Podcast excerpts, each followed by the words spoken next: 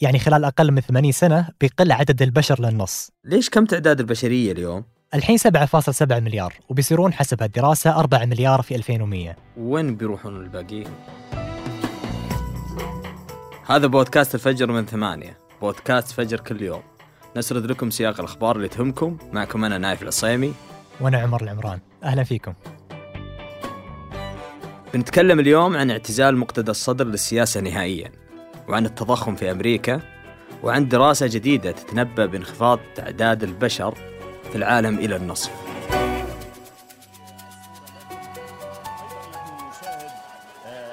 على الشاشة خبرا عاجلا يقول بأن قيادة العمليات المشتركة في العراق تعلن حظر التجوال الشامل في بغداد.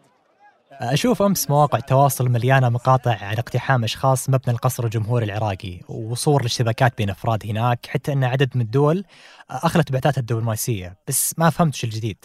مقتدى الصدر أعلن اعتزال السياسة أمس وبسبب هذا حدثت اضطرابات في العراق.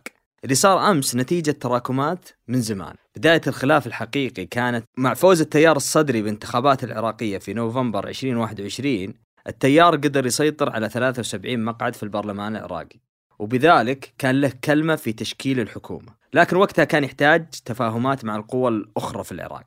المهم أن مقتدى الصدر كان عنده رغبة في تشكيل حكومة أغلبية وطنية حسب ما أعلن هو. لكن العراق من بعد الغزو الأمريكي وسقوط نظام حزب البعث أصبح يدار بالمحاصصة بمعنى القوة والطوائف تسيطر على مقاعد معينة.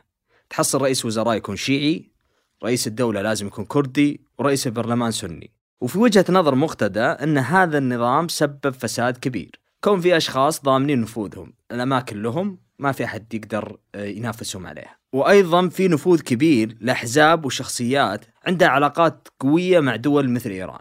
بس كيف أصلا عند مقتدى الصدر كل هالتأثير؟ اللي لازم نعرفه أن مقتدى الصدر رجل دين شيعي ويرجع العائلة لها مكانة دينية مهمة هناك. ويتبع عدد كبير من الشيعة.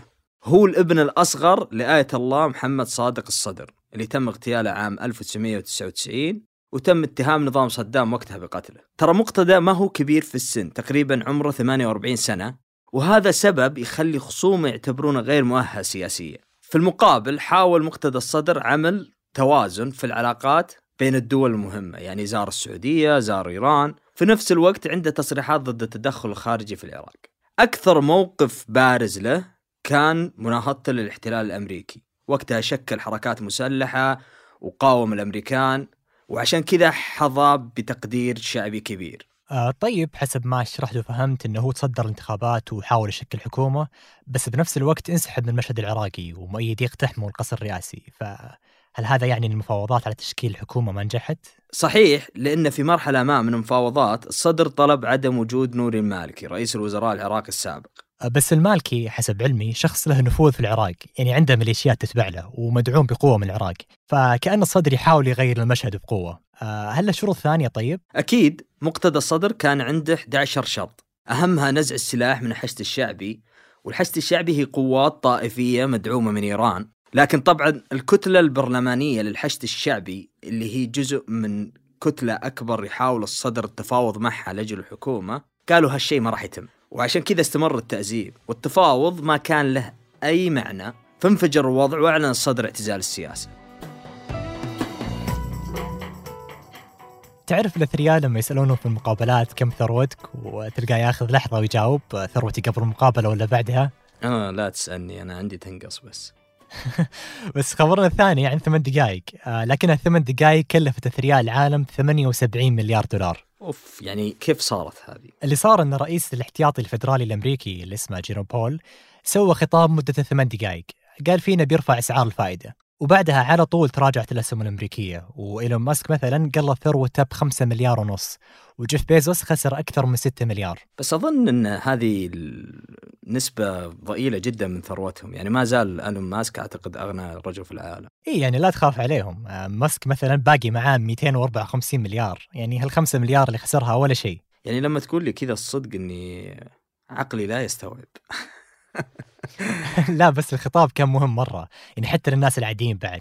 آه، كانت أسعار الفائدة خلال الجائحة قريبة من الصفر فجاه الخطاب يغير الواقع للشركات التقنية العملاقة. ليش قرروا يرفعون أسعار الفائدة؟ آه هو كله يجي في سياق التضخم في أمريكا واللي وصل اعلى مستوياته من 40 سنة. يعني تعريف التضخم ببساطة إذا ارتفعت أسعار الخدمة والسلع؟ اي بالضبط بس هي ليش ارتفعت الأسعار من الأساس؟ آه تتذكر الأشياء الأساسية اللي تعلمناها من العرض والطلب؟ يعني عندي خلفية عنها لما يزيد الطلب يرتفع السعر. فالحل المقترح عشان يقللون السعر إنهم يقللون الطلب. كيف نقلل الطلب هنا؟ ببساطة ما يبقى مع الناس فلوس تشتري. يعني وش اللي يرفع الطلب على السلع والخدمات؟ إن الناس عندها قدرة على الشراء. فوشلون تقلل الطلب؟ بإنك تاخذ من الناس القدرة. ترفع الفوائد تخفض الاستثمارات فتقل الوظائف المطروحة ويصير في ارتفاع في البطالة وتقليل أجور وبكذا يصير عندك عدد أقل من الناس اللي قادرة تستهلك. بس كذا اللي يتحمل النتائج هم الناس العاديين يعني. بالضبط إيه. فأساسا الخطاب نفسه كان يقول أن تكاليف التعافي من التضخم توصل جميع الشركات والعمال والعائلات وأنها راح تكون مؤلمة. أفهم إن الإجراءات هذه دائما تكون مؤلمة بس هل فعلا ما عندهم حلول ثانية غير هالإجراءات؟ طبعا هي بالنهاية سياسات مالية تقررها كل دولة عشان تتعامل مع التضخم.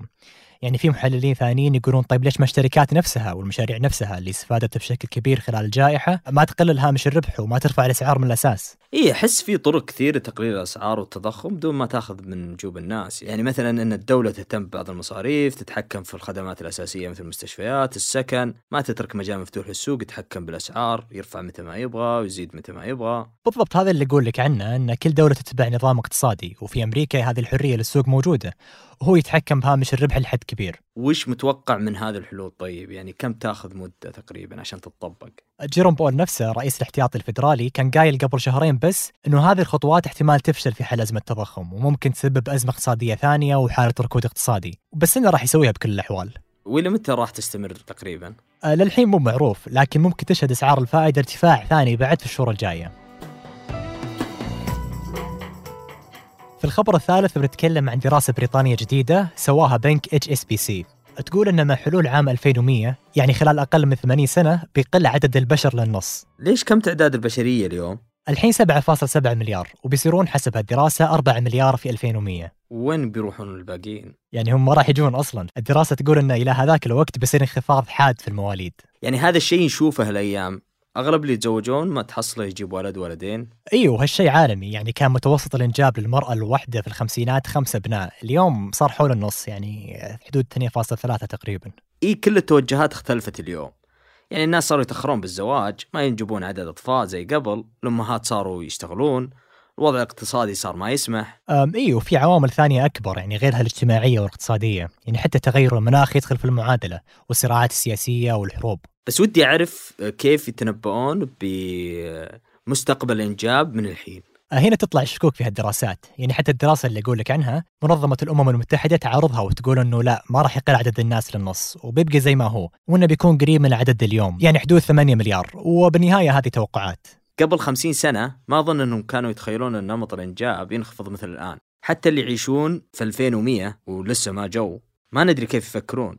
يا أخي افرض أن نمط العائلة التقليدي رجع عندهم وصار الإنجاب أكثر من قبل. آه، بالضبط. فهذا اللي يخلي الدراسات الديمغرافية والأبحاث عن السكان تصنف أنها فكرية مو عملية. يعني مي بواحد زائد واحد يساوي اثنين. لنفترض أن جت كارثة وأخفت نص البشرية عن الوجود. طيب. أنا قلت لك عن الدراسة وما لي شغل العلم عند الله.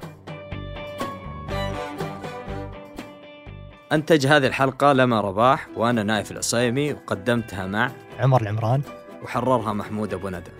نشوفكم بكرة الفجر.